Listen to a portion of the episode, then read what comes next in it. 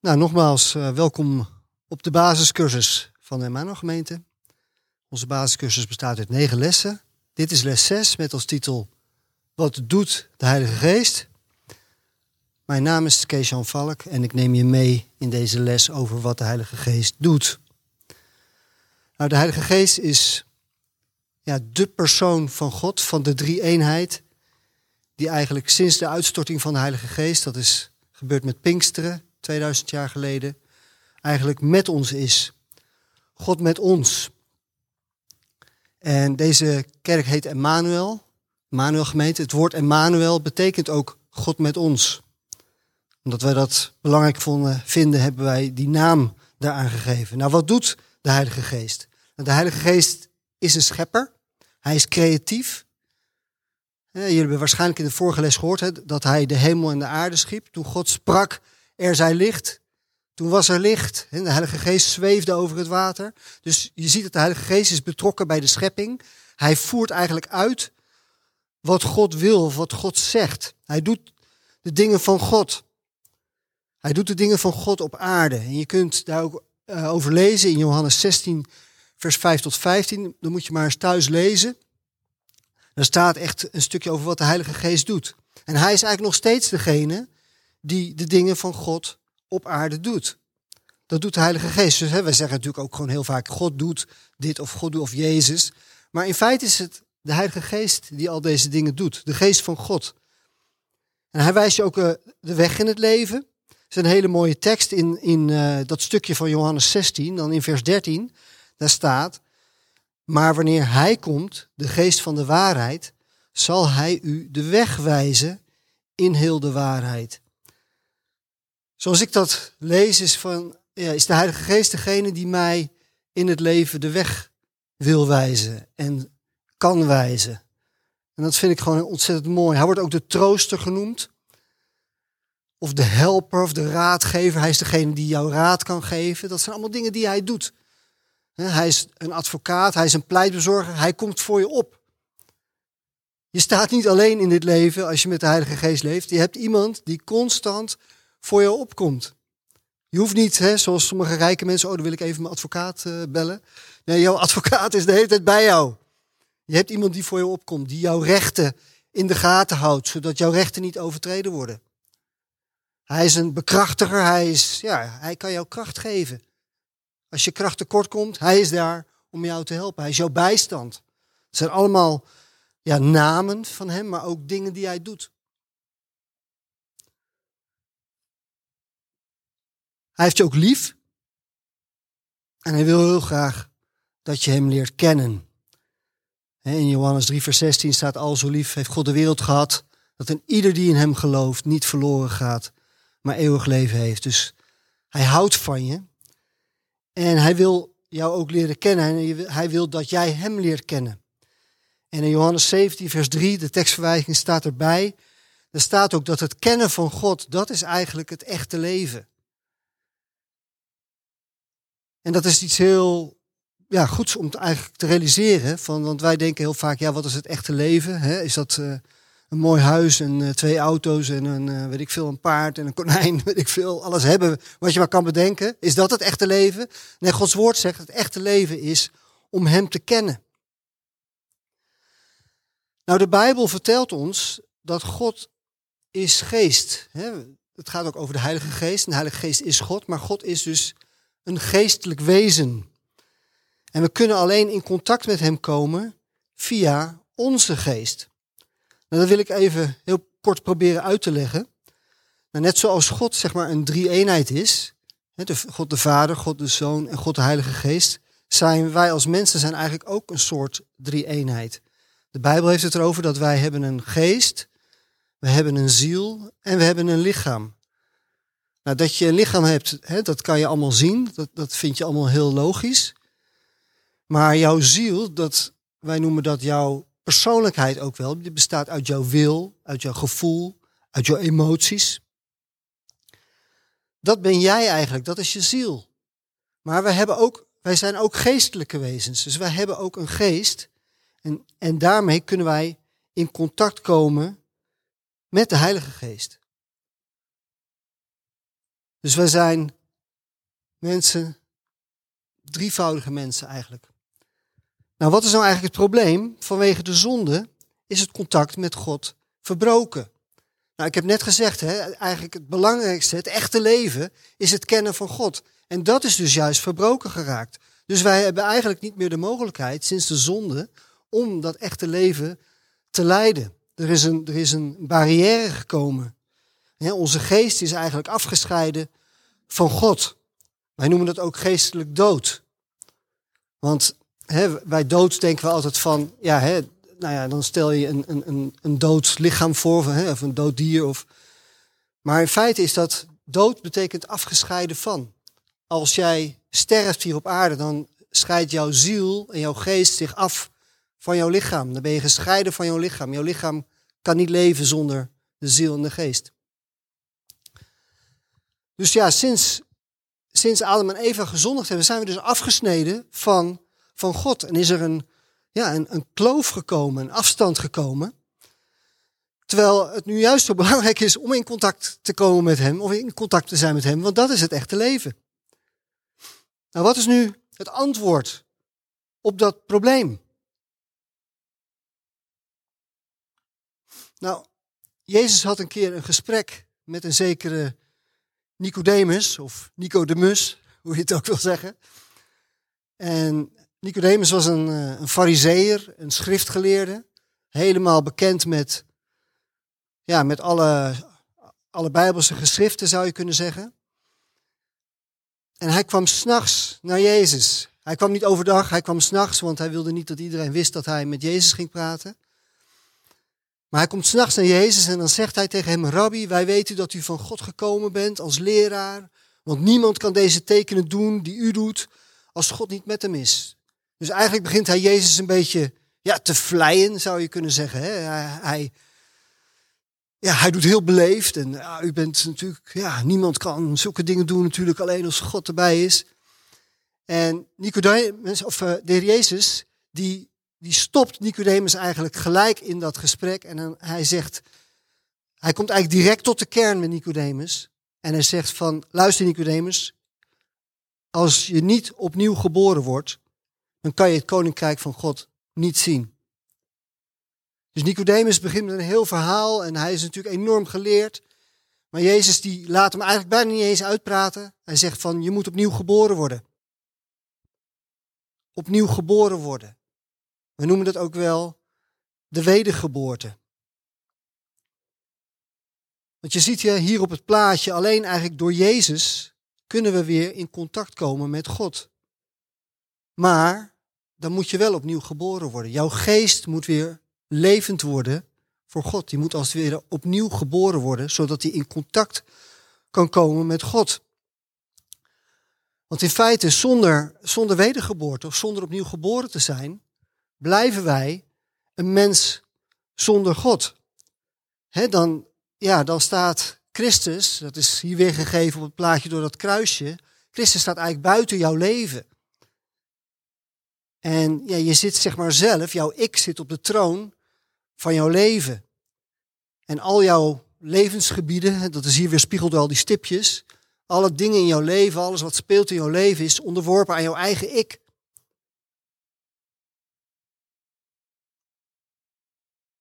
Dat is een mens zonder God. Nou, hoe word je dan wedergeboren? Hoe word je dan wedergeboren? Jezus die zegt van, hè, als je weer in contact kan komen met, wil, wil komen met God, Nicodemus, dan moet je opnieuw geboren worden. Maar hoe word je dan opnieuw geboren?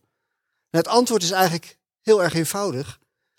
Je wordt opnieuw geboren, of je wordt wedergeboren, hoe je het ook wil zeggen, door geloof in wat Jezus heeft gedaan voor jou. Dat je gelooft dat Hij eigenlijk plaatsvervangend voor jou de straf heeft gekregen die wij als mens verdiend hebben.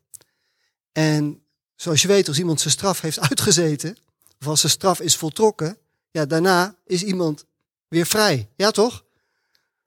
Dat zou in ieder geval wel de bedoeling moeten zijn. In deze maatschappij rekenen mensen het je soms nog aan. Maar als je straf is uitgezeten, dan ben je voor de wet, voor rechtelijk, ben je vrij.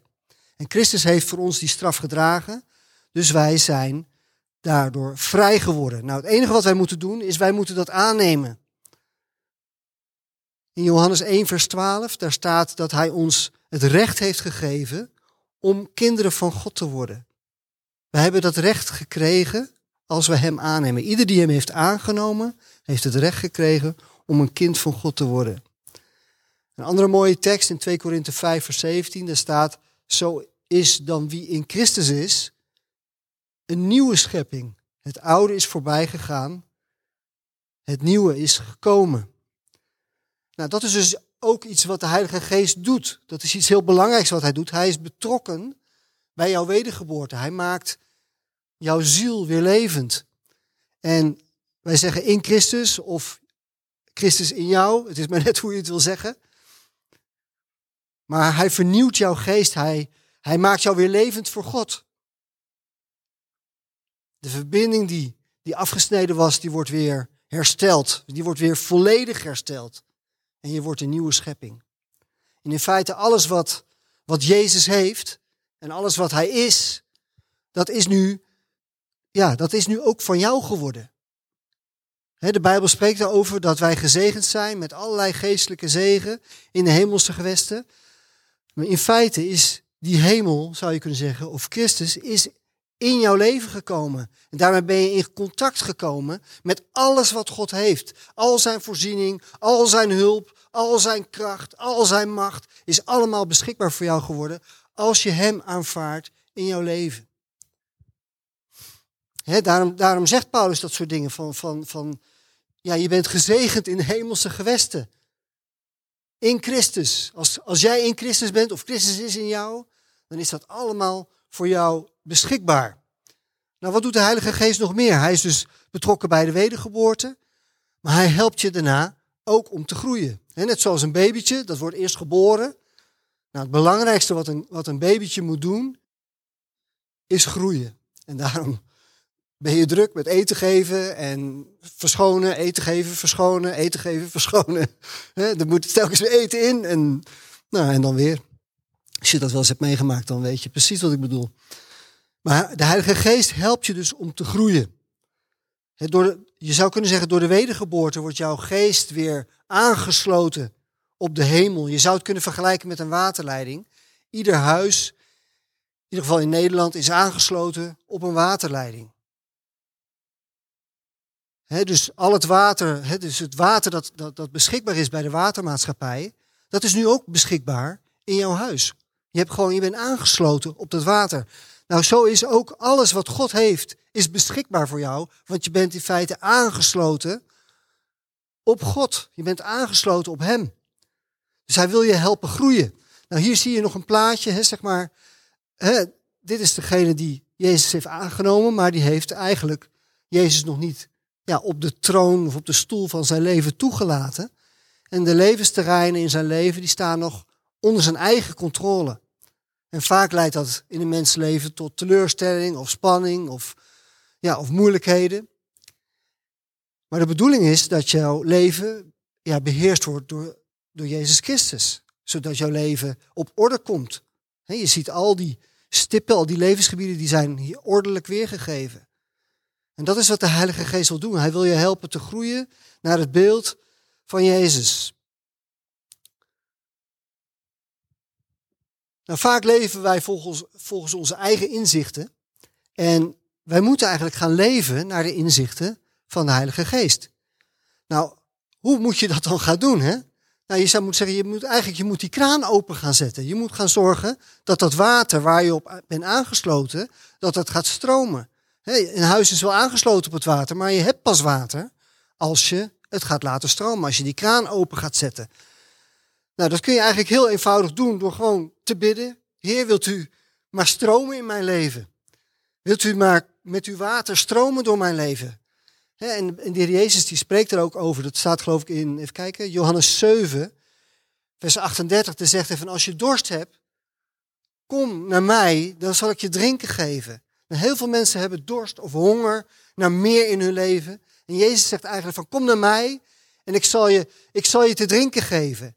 En dan zegt hij dat het zal worden tot een, een bron van levend water in je binnenste. dus die, waterleiding, die bron, die zit gewoon, die komt in jou. Maar je moet hem wel openen. En dan moet je, daar kan je om bidden.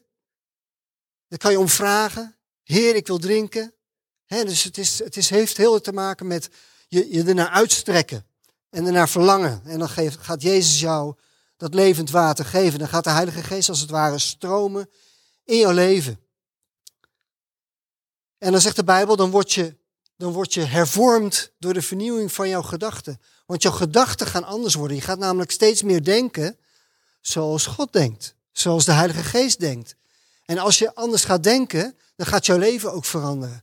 Dan word je veranderd. Dat woord hervormd, dat is in de Griekse taal zoals het is opgeschreven, is het woord metamorfose. Je wordt helemaal veranderd tot een, tot een nieuwe mens.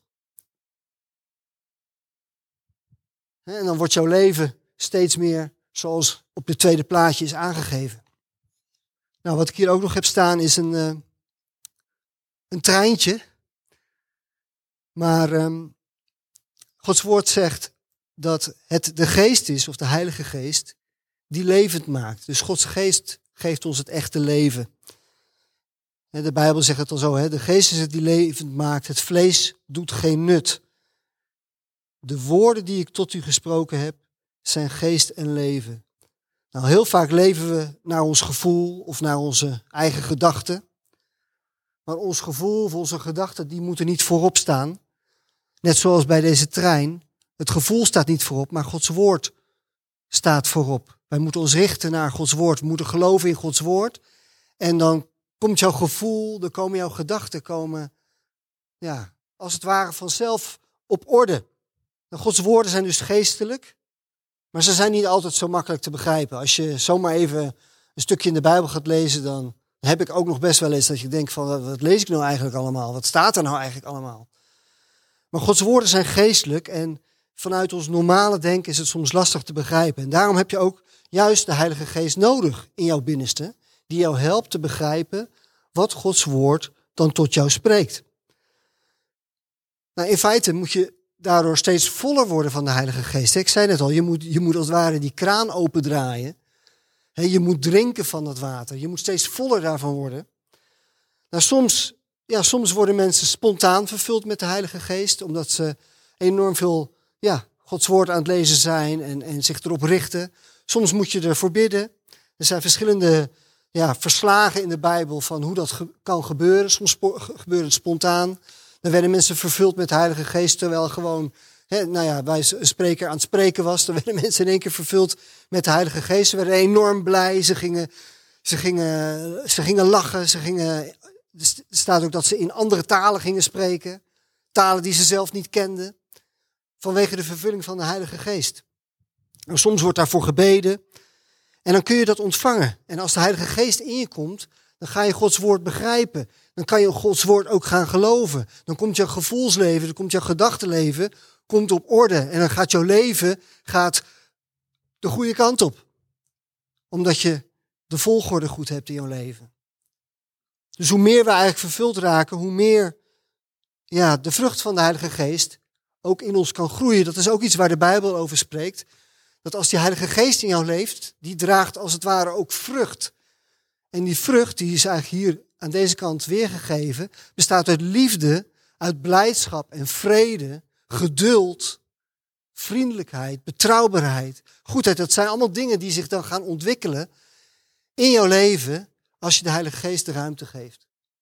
En het bovenste gedeelte, daar zie je zeg maar dingen eh, die, ja, waar we vaak te maken mee hebben als je de Heilige Geest niet de ruimte geeft. Dan, ja, dan hebben wij een wettische geest. Dat betekent dat je heel gauw ja, over mensen zit te oordelen.